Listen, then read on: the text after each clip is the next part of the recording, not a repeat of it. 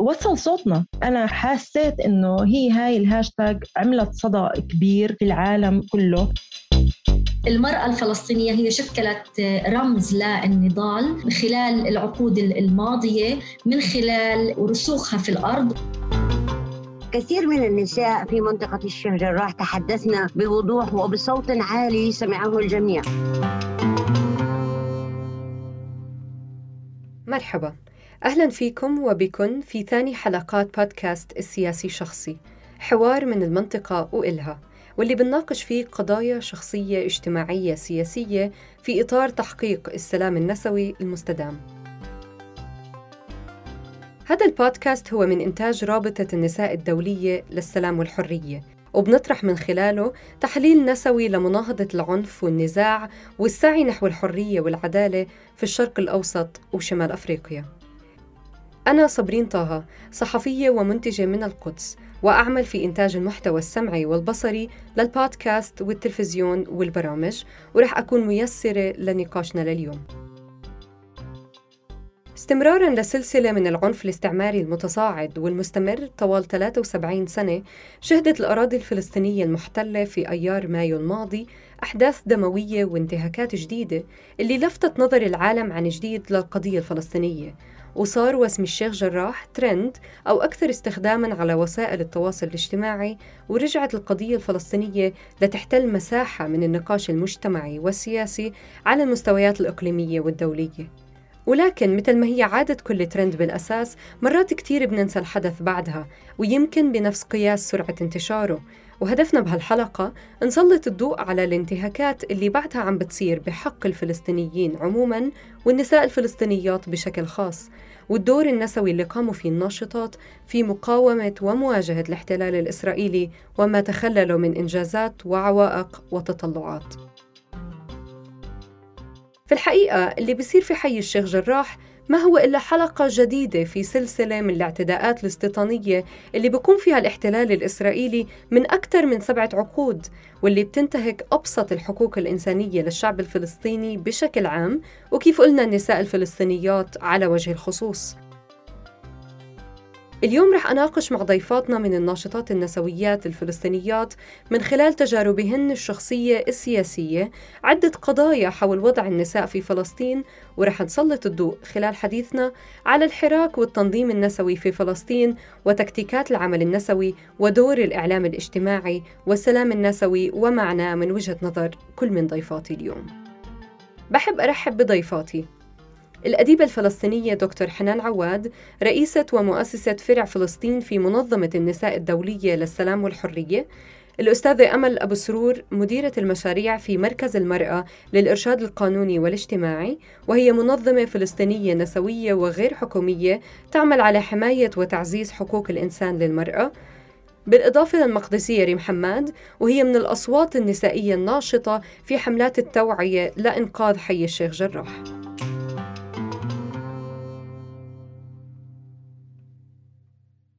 ريم دكتور حنان وأمل. قبل ما نبدأ الحديث بنحب نبدأ حلقات السياسي شخصي بجولة تعريفية لحتى نسمع من ضيفاتنا كيف بتحبوا تقدموا أنفسكن ومشواركن السياسي والشخصي في الحراك النسوي وأيضا شو بيعني لكل منكن المقولة النسوية الشخصي السياسي. خلينا نبدأ مع الدكتورة حنان. دكتورة كيف بتحبي تعرفي عن نفسك؟ تفضلي. أنني أديبة فلسطينية. وإنسانة فلسطينية مناضلة وامرأة تحمل روح المرأة وروح الإنسان الفلسطيني بشكل عام وبشكل خاص أيضا. شكرا دكتورة. خلينا ننتقل للأستاذة أمل. كيف بتحبي تعرفي عن نفسك؟ أنا آه، حقوقية آه، نسوية آه، بسعى من خلال عملي لإظهار الحقيقة للعالم مثل ما هي بدون تشويه. تفضلي مرحبا. أول شيء أنا ريم محمد. أنا واحدة من آه، شخص من آه، يعني فرد من آه، عائلة حماد وهي أحد العائلات المتضررين بحي الشيخ جراح. بحب أعرف عن نفسي بإني أنا مربية يعني باعتباري أنا educator. ف وبتأمل إنه أقدر إني أنا أرسخ كل الانتماء الموجود عندي لوطني ولأرضي في الطلاب والأطفال اللي أنا بتعامل معهم. رح أبدأ بالبداية نقاشنا اليوم مع ريم ونحكي عن أرض الحدث ومن أرض الحدث. أنت موجودة هناك ريم. خلينا نبدأ معك. العالم كله كان يتابع أخبار الشيخ جراح لكن الواقع طبعا يستحيل تجسيده في عنوان خبري يعني. فإذا ممكن تاخدينا معك للشيخ جراح وتحكي لنا عن هاي الأيام وشو كان يصير معك وشو المشاهدات اللي كنت تشوفيها في هذا الحي أكيد. أول شيء إحنا في حي الشيخ جراح ما زلنا محاصرين ما زلنا آه، يعني آه، الجنود آه، في عنا حواجز لمداخل الحي الأربعة ما بنقدر ندخل إلا لنبرز هويتنا ونثبت إن إحنا من سكان الحي. مع إنهم الجنود يعني صاروا حافظيننا وعارفيننا ولكن رغم هيك كل ما نيجي بدنا ندخل على الحي وإحنا مروحين من أشغالنا وإحنا جايين الصبح وطلعين طلع يعني طالعين رايحين جايين لازم نبرز هويتنا ولازم نحكي لهم عنواننا عشان يتأكدوا إنه إحنا حافظين العنوان وعارفين إحنا وين رايحين وزي ما ويشوفوا إنه هويتنا موجود عليها عنوان البيت تبعنا. آه، بالنسبة لأوضاعنا بالحي يعني بتوقع صار كل العالم عارف عن الحي والأشياء اللي عم بتصير بالحي والانتهاكات اللي عمالها بتصير بالحي. آه، إحنا عشنا فترة كثير صعبة عشنا فترة كثير آه، يعني كانوا أطفالنا كثير يعانوا فيها هاي الفترة خصوصا فترة رمضان كان في كثير يصير انتهاكات كان الجنود آه، والمستوطنين كمان يهاجمونا يرشونا بالغاز يضربوا يعتقلوا يرشونا بالسكانك واتر اللي هي المياه العادمة. فكتير يعني مارسوا علينا كل أنواع العنف وكل أنواع الانتهاكات وما زل ولكن رغم كل هاي الشغلات اللي بتصير إلا إنه إحنا صامدين وراح نبقى صامدين. وأكيد اللي بدعم صمودنا وبدعم يعني إنه إحنا نكمل مسيرتنا اللي هو الناس اللي عمالها بتدعمنا آه، سواء كانوا من القدس من برا القدس من فلسطين أو من برا فلسطين. خليني أنتقل للأستاذة أمل. كيف ممكن تعقبي على على الحدث اللي عم بيصير بالشيخ جراح وعلى الدور النسوي من خلال خبرتك بتاريخ النضال الفلسطيني كمان؟ طبعا منذ آه، آه، بداية الاحتلال الإسرائيلي النساء طبعا الفلسطينيات ونحن بنقول شاركنا بشكل سواء مباشر أو غير مباشر وعلى عدة جبهات في النضال من أجل إنهاء الاحتلال وممارساته القمعية والاستعمارية، فكان منا من كان منا الأسيرات والشهيدات والنساء اللي تم تهجيرهم بشكل قسري من بيوتهم ومن أماكن تواجدهم. والاحتلال كمان آه، وهذا كله آه، كان نتيجة لأنه الاحتلال الإسرائيلي عدم امتثاله للمواثيق الدولية آه، والمواثيق الخاصة بحقوق الإنسان. وبالتالي كان في استهداف مباشر وغير مباشر للنساء. وإحنا إذا بنطلع على الشهادات الحية اللي إحنا بنسمعها يوم يوم من النساء الفلسطينيات بكل أرجاء الوطن سواء بالقدس ولا في غزة ولا في الضفة هي بتأكد تأثير الاحتلال وسياساته القمعية على النساء كونهم نساء وكونهم نساء فلسطينيات. دكتورة حنان كيف ممكن تعقبي على الدور النسوي والإنجازات والعوائق اللي اللي مر فيه بتاريخ النضال الفلسطيني عموما؟ يعني الدور النسوي دور طويل تاريخي عميق جدا. وكما بدأتم من منطقة الشيخ جراح فيجب أن نتوقف عندها طويلا. لأنها منطقة في قلب القدس يسكن بها 28 عائلة فلسطينية يحاول المستوطنين اقتحامها وأخذها بالقوة دون أي حق شرعي. وقد عبر أهالي الشيخ جراح بكلماتهم وبنداءاتهم للعالم للوقوف معهم. أهمية هذه المنطقة اولا هي تاريخية وفلسطينيه وهي في قلب القدس. وإذا يعني استطاعت القوات الاحتلال الاسرائيلي اخذها ستكون كارثة كبرى لأنه لم يبقى منطقة حتى الآن إلا وقد احتلته إسرائيل في منطقة القدس وتغيير الوضع الديمغرافي فيها حتى تنسبها إليها. أهالي الشيخ جراح يعانون؟ يعني أن تتخيل الأم القلقة التي لها ولد أو ولدين أو عشرة أولاد كيف ستواجه هذا الموقف؟ كيف سيتخيل الإنسان أنه سيفقد بيته؟ ولو عوض بكنوز الدنيا. الإنسان لا يمكن أن يبيع ذكرياته وحياته وكرامته في أرضه وحقه التاريخي في هذه الأرض. كثير من النساء في منطقة الشيخ جراح تحدثنا بوضوح وبصوت عالي سمعه الجميع. السيدة سوزان عبد اللطيف مثلا قالت أنني أناشد الجميع. الأمة العربية وأحرار العالم أن يقفوا معنا ويمكن أن تتخيلوا كيف يمكن أن يفقد إنسانا منزله. يعني إحنا بنطالب إنه يكون زي ما قالت الدكتورة إنه يكون في دعم آه، أو حماية دولية لإنه إحنا عمالنا بننتهك وإحنا حتى في بيوتنا. آه، فمثال على ذلك الطفلة جنة آه، اللي كانت بس واقفة باب البيت مش مش عاملة شيء وانضربت بمطاطة في ظهرها وهلأ هذا الشيء مسبب لها كثير كثير مشاكل صحية ما مش عم تقدر آه، يعني تمشي بدها علاج طويل طويل طويل ويعني ذنبها الوحيد إنها كانت فقط واقفة آه، باب البيت مش عم تعمل ولا أي شيء آه، حتى يعني لا كانت تصرخ ولا كانت يعني ما كانت تعمل ولا أي شيء فقط واقفة باب البيت وبتتفرج على الأحداث اللي عم بتصير.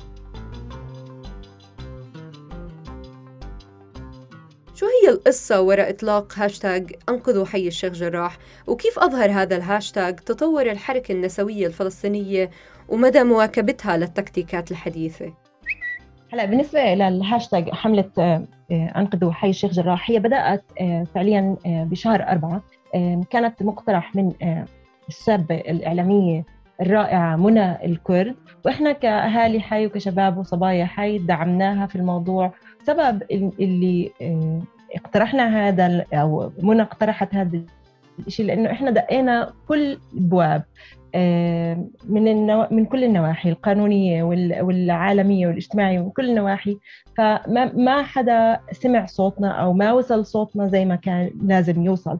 فلذلك لجأنا لمواقع التواصل الاجتماعي وبلشنا بحملة حي... أنقذوا هاشتاج آه، أنقذوا حي الشيخ جراح. يعني العالم كله آه، عرف آه، الانتهاكات اللي إحنا بنمر فيها كأهالي مقدسيين وعرف مدى وحشية وعنصرية الاحتلال الغاشم. وضح كل شيء عم بيصير آه، بالواقع. ووصل صوتنا. أنا أنا أنا حسيت إنه هي هاي الهاشتاج عملت صدى كبير في العالم كله. آه، نشرت وعي كثير كبير. صار الناس عندها فضول إنها تعرف أكثر عن الأشخاص الموجودين كأفراد كمان مش بس كمجتمع. ولكن كمان عن عن الحياة اليومية اللي إحنا بنمر فيها عن الصعوبات والعقبات آه، اللي النساء ومش بس النساء النساء الأطفال الرجال كل فرد من أفراد المجتمع بمر فيه في هذا الحي خصيصا. وبعدين انتقلت طبعا لحي آه، سلوان والقدس عامة. فبنظري آه، هذا الشيء جاب صدى كبير وحقق أهداف كثير كلماتنا وتوصيل صوتنا لابعد مدى You are stealing my house. And if I don't steal it, someone else is going to steal it. No, no one, no one is allowed to steal it يا عمي. طبعا نحن كفلسطينيين وفلسطينيات بفكر في حاليا في عصر السوشيال ميديا والتواصل الاجتماعي. آه، يمكن بفكر إنه آه، صار لزاما علينا إنه إحنا نستخدم آليات جديدة من أجل الوصول لأكبر عدد من آه، خلينا نقول الأفراد في العالم سواء كانوا أفراد أو سياسيين أو مؤسسات أو حتى رؤساء دول وهو من خلال استخدام وسائل التواصل الاجتماعي. آه، واللي بيأكد على آه، نجاح وسائل التواصل الاجتماعي اللي هو مثل ما حكت زميلتنا ريم آه، اللي هو الهاشتاج اللي أطلق لإنقاذ حي الشيخ جراح. واللي هو أظهر صورة مختلفة للعالم عن الفلسطينيين والفلسطينيات. الاحتلال الإسرائيلي خلال السنوات الماضية كان يحاول يظهر للعالم أنه الفلسطيني هو الفلسطيني بين قوسين الإرهابي. الفلسطيني اللي بيحاول إنه هو يعتدي على الإسرائيلي الأعزل بين قوسين الفلسطيني اللي هو يمكن اللي عنده غير المتعلم وما إلى ذلك. الحملة اللي أطلقت عبر وسائل التواصل الاجتماعي حديثا بقيادة الشباب والشابات هي أظهرت للعالم أنه الفلسطينيين هم من أصحاب حق وبأنه الإسرائيلي والاحتلال الإسرائيلي هو احتلال عنصري وهو الذي ينتهك الحقوق الإنسان في في المنطقة. وبالتالي أنا بعتقد أنه علينا استخدام حاليا وسائل وتكتيكات جديدة من أجل فضح ممارسات الاحتلال الإسرائيلي ومن ضمنها استخدام وسائل التواصل الاجتماعي اللي أثبتت نجاحها بالفترة الأخيرة وغيرت رأي العالم ونظرة العالم إلى الفلسطينيين وإلى القضية الفلسطينية.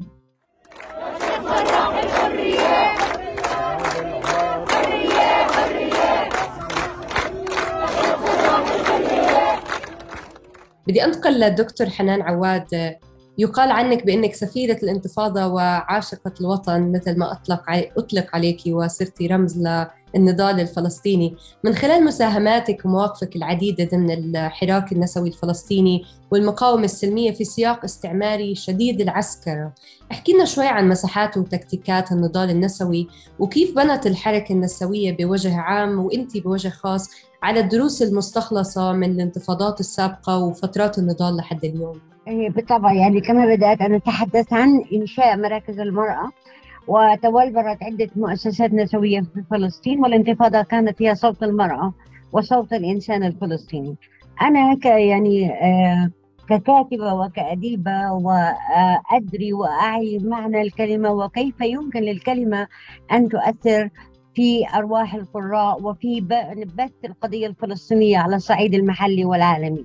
لذلك وأنا أؤمن أيضا بأهمية إعلام المرأة وإعلام الإنسان الفلسطيني ودور الإعلام في نقل هذه الصورة الحضارية لنضال الشعب الفلسطيني. لذلك جندته جميع طاقاتي من إبداعات وكلمات وطفت في أنحاء كبيرة من العالم لأعلي صوت فلسطين لأبرز القضية الفلسطينية لأبرز نضالات المرأة. ففي كل موقع كان هنالك اهتمام شديد ولذلك الكلمة لها أثر كبير. الإعلام مهم جدا. في إبراز كل حدث كل ما يقوم به الإسرائيليون ضد شعبنا. وأيضا قمت أيضا بدعوة العديد أو عشرات أو بل مئات من وفود التضامن العالمية الذين حضروا إلى فلسطين في أماكن متعددة من خلال الانتفاضة الأولى من أيام الحصار.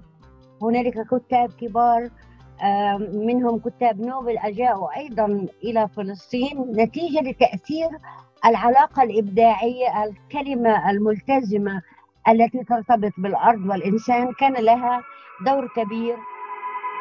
سأبني قاربا في الشمس. سأبحر نحو هذا العرس. سأنهي قصة في الأمس. أحلى ما يكون الأمس وأحلم يوم عودتنا. بدي أرجع للأستاذة أمل وأسأل أكثر عن كيف بيتصدى الحراك النسوي لآثار الاحتلال وكيف بتشتغلوا على حماية وتمكين النساء وتعزيز حقوقهم بالأساس في هاي الأماكن؟ طبعا تأثير الاحتلال على النساء هو تأثير إحنا بنسميه تأثير مزدوج. بيأثر عليهم على كونهم نساء فلسطينيات وكونهم نساء بشكل خاص. وبالتالي التأثير هو تأثير قد يكون تأثير إذا بدي أسميه تأثير أكبر من تأثيره على الشرائح الأخرى. إحنا بنعرف بالمجتمع الفلسطيني ما زال المجتمع الفلسطيني هو مجتمع أبوي ذكوري وبالتالي المرأة ما زالت تعاني من تمييز ضدها في الوصول للحقوق السياسية والاجتماعية والثقافية والاقتصادية. وأيضا المجتمع الفلسطيني هو ينظر إلى المرأة بأنها بين مزدوجين مرأة ضعيفة بحاجة إلى بحاجة إلى الحماية من الذكور بالمجتمع الفلسطيني وبالتالي بوجود الاحتلال قد يتعزز هذا المستوى الأبوي الذكوري بهدف قد يكون هدفه الحماية ولكن بشكل مباشر يؤدي إلى حرمان النساء من الوصول لحقوقهم. أيضا كون النساء في مرحلة تقرير المصير ومرحلة الصراع من أجل إنهاء الاحتلال وبناء الدولة وبناء المجتمع. قد يكون لزاما علينا إحنا كمؤسسات نسوية وحتى كنساء وناشطات نسويات إنه إحنا نوضع الهم الوطني اولا. مقابل وضع الهم التنموي هم إبراز العدالة والمساواه المجتمعيه ثانيا. وهذا بيأثر على تطور وتطوير الدور النسوي في بناء المجتمع وبيأثر أيضا على حراكنا نحن كنسويات من أجل تحقيق المساواة المجتمعية. دورنا نحن كمؤسسات نسوية هو العمل المباشر مع النساء بشكل فردي. على المستوى الفردي مع النساء من خلال تعزيز وصول النساء لحقوقهم الاجتماعية والثقافية والاقتصادية وأيضا الوصول إلى الحقوق القانونية المختلفة. إضافة إلى ذلك وهذا الهم الأكبر في انه نحن نعمل مع النساء الفلسطينيات وحتى مع كافة أعضاء المجتمع الفلسطيني على المستوى الداخلي من أجل إنهاء حالة الانقسام الداخلي والتشتت الداخلي والتشرذم في داخل المجتمع الفلسطيني اللي قد تكون في بعض الأحيان تطغى على الهم الوطني لإنهاء الاحتلال للأسف. أضيف على ما قالت الأخت أمل يعني من أهمية الخطوة يعني نحن لنا بعدين، البعد الأول هو مقاومة الاحتلال ومقارعته والبعد الثاني بناء الشخصية الوطنية الفلسطينية وما حصلنا عليه قبل سنتين في المجلس الوطني. استطعنا أن نحقق مشاركة المرأة 30% في الانتخابات وكذلك وجود المرأة الفلسطينية في البرلمان وجودها في الوزارات وجودها في الرئاسة. فهذا أحد القضايا الهامة التي حققناها ولا زلنا أيضا نطلب المزيد. يعني أخذنا 30% لن نتوقف إلى 30% ولكن سنتوصل إلى موقع آخر. وأقول أيضا المرأة الفلسطينية ليست ضعيفة بالعكس. نحن نسبة النساء المتعلمات في فلسطين 51% شكرا دكتور حنان. بدي أرجع للأستاذة أمل. تفضلي أستاذة. إحنا نضالنا كفلسطينيات وكنسويات هو نضال على أكثر من جبهة وعلى أكثر من جانب. هناك نضال على المستوى المجتمعي وهناك نضال على المستوى الدولي. على المستوى المجتمعي ما زالت المرأة لا تتمتع بكافة حقوقها. وهون ممكن أعقب على ما قالته الدكتورة حنان فيما يتعلق بالمشاركة السياسية للمرأة. للأسف ما زالت المشاركة السياسية للمرأة هي مشاركة خجولة. وفيما يتعلق بقرار المجلس الوطني بزيادة مشاركة نسبة الكوتا للنساء ل 30% نحن ك كناشطات نسويات وكنسويات فلسطينيات في بادئ الأمر يعني استقبلنا هذا القرار ب بكثير من التطلعات بأنه ممكن إنه يزيد من نسبة مشاركة المرأة السياسية، لكن للأسف هذا القرار ما زال حبر على ورق.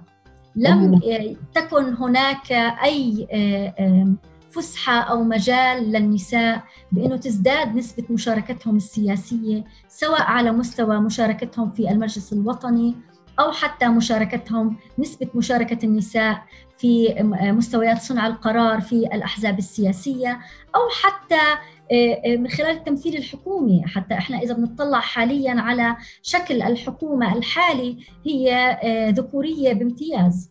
أيضا إذا كان هناك نتطلع إلى القانون الانتخابات اللي تم تعديله مؤخرا بقرار من الرئيس الفلسطيني. أيضا حتى تعديل قانون الانتخابات لم يرقى إلى ال 30% اللي إحنا كنا نطلع لها بقرار مجلس المجلس الوطني. نحن كمؤسسات وكنسويات وكناشطات نسويات نسعى إلى تمثيل نساء قد يكون 50% 50 مناصفة بين النساء والرجال قد تكون الكوتا هي عبارة عن خطوة مرحلية من أجل زيادة مشاركة المشاركة السياسية للنساء ولكنها ليست الحل. بالنسبة لموضوع الكوتا 30% صحيح هي لم تطبق. وأنا شخصيا كحنان عواد توقفت في المجلس الوطني ورفضت هذه النسبة. قلت لماذا توضع نسب ولماذا هذا التمييز؟ لماذا آه، تؤخذ الأمور بكفاءتها؟ ويرشح الجميع مرأة أو رجل وتؤخذ النسبة بالتساوي أحيانا لأن المساواة لا تعتمد على النسب.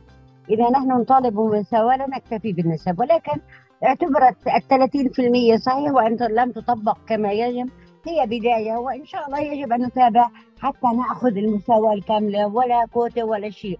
إن كل إنسان مؤهل سواء امرأة أو رجل أن يتقدم للانتخابات وأن يمارس دوره الحق.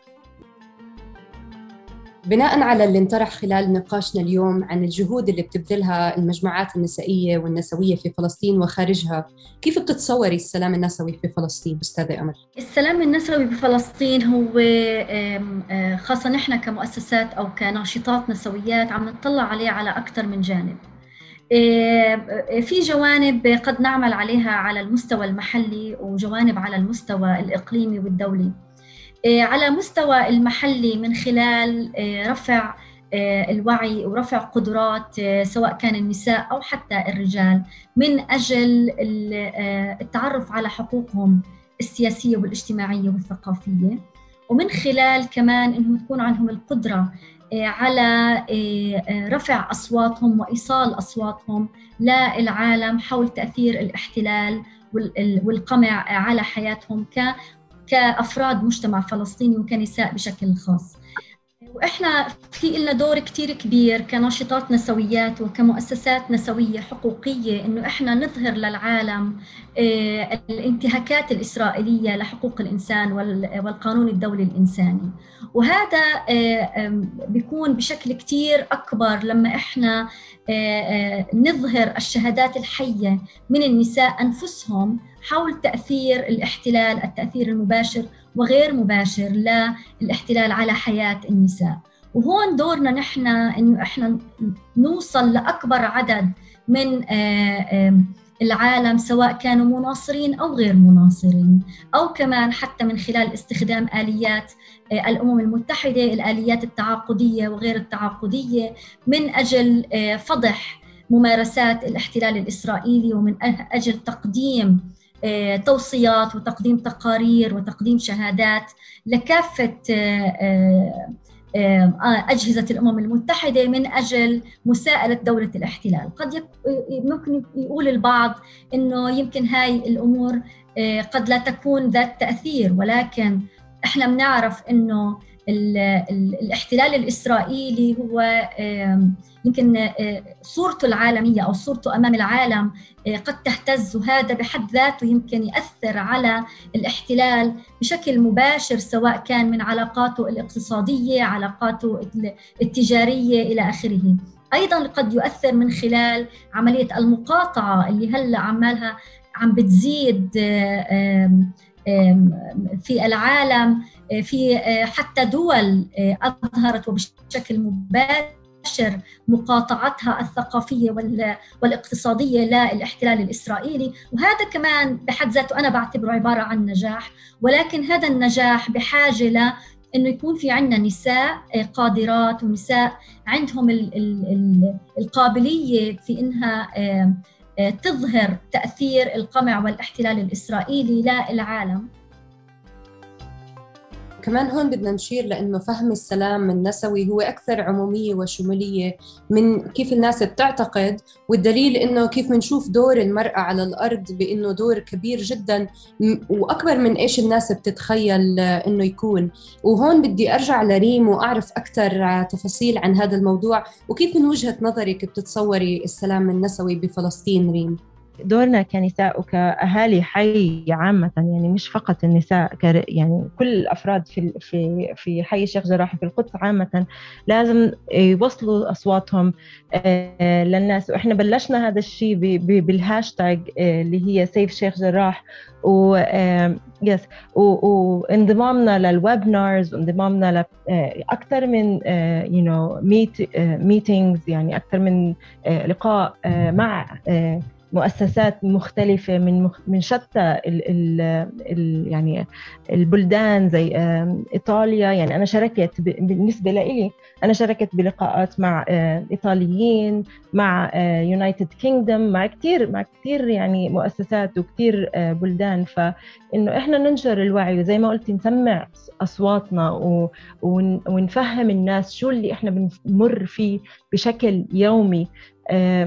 هذا طبعا آه، شيء آه، كثير مهم آه، وكثير بتوقع إنه غير من التفكير أو مش تفكير يعني إنه الوعي ال international awareness إحنا كنساء حي وكأهالي حي الشيخ جراح وكأهالي قدس يعني أنا بقول إنه واجب علينا كأشخاص وكأفراد إنه نوصل أصواتنا لأبعد مدى.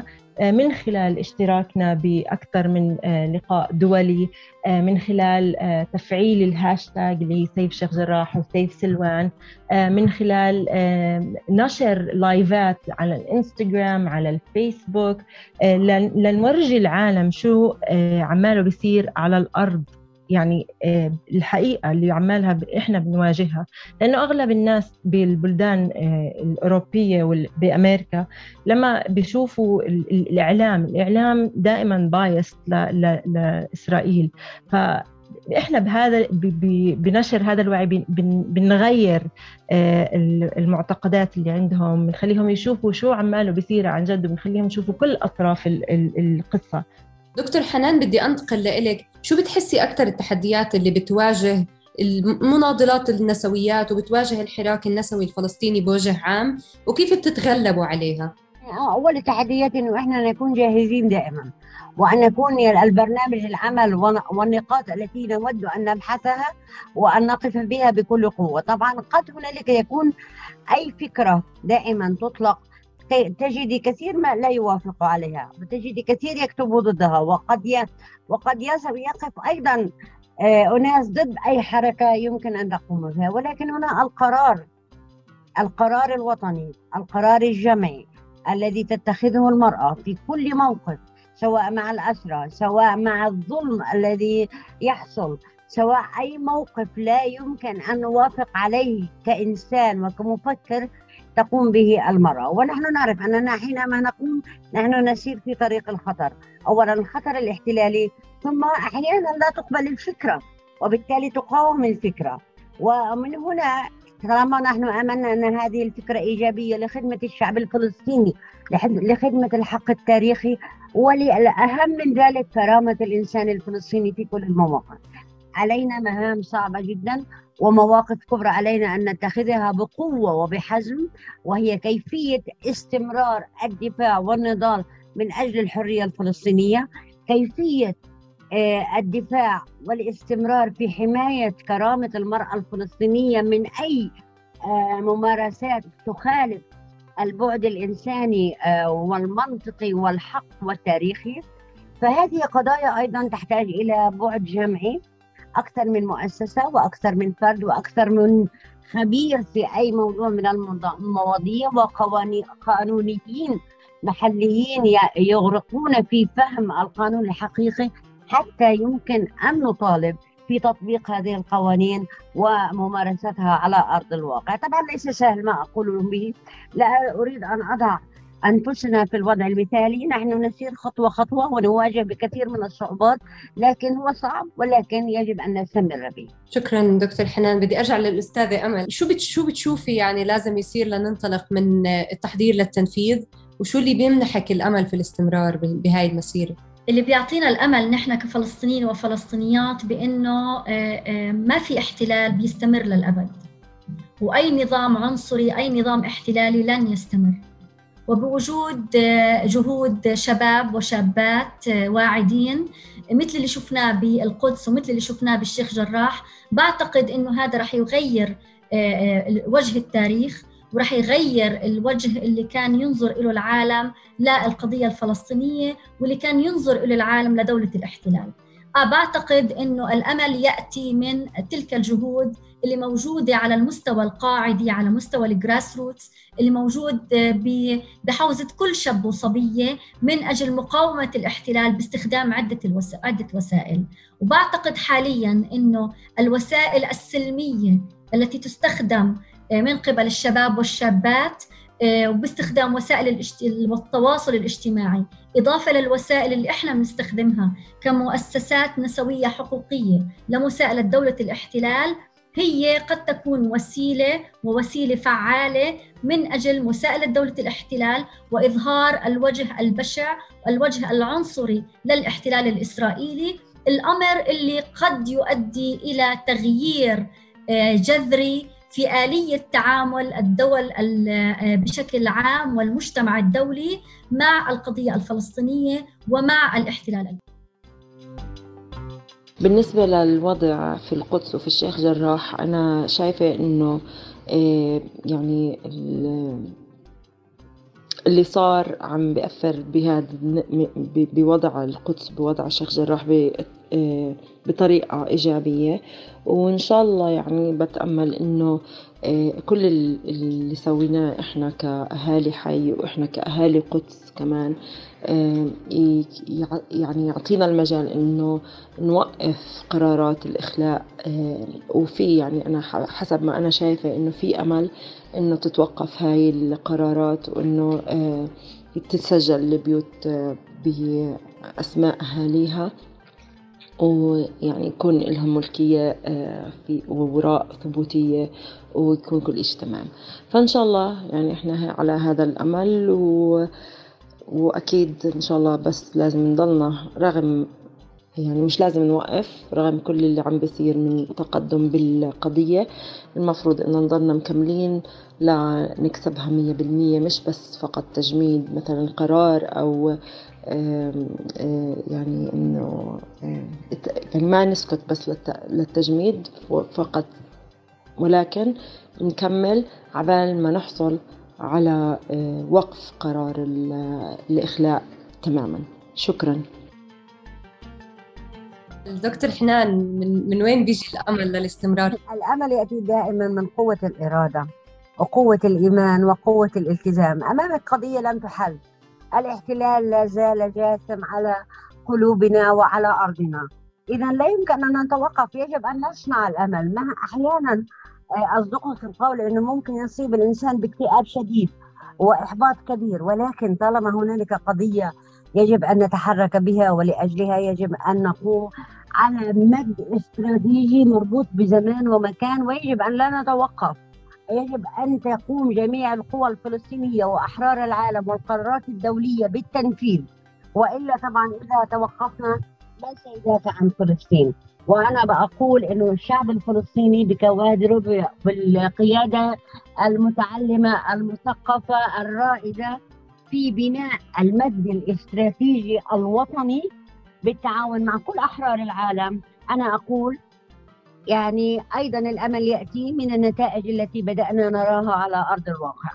ورغم ذلك أقول أن الطريق لا زال طويلا جدا جدا وأننا أمام تضحيات كبرى ومسيرة كبرى في الحرية والتظاهر والردود والبيانات والاجتماعات والمؤتمرات حتى نحقق شيئا كبدء ثم نحقق البعد الكامل للقضية الفلسطينية. كنت أود أن ألخص وأنهي هذه الحلقة بكلمات لمحمود درويش وهو يخاطب الشعب الفلسطيني والمرأة الفلسطينية.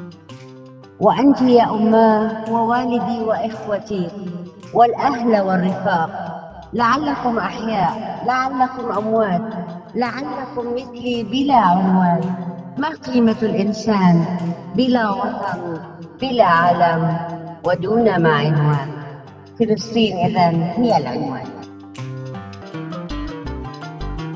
كنتم وكنتن معنا ببودكاست السياسي شخصي من إنتاج رابطة النساء الدولية للسلام والحرية. اسمعونا وتابعونا على صفحات الرابطة على السوشيال ميديا من خلال الهاشتاجات هاشتاج political is personal هاشتاج السياسي شخصي. وعلى موقعنا wilpf.org slash mina-region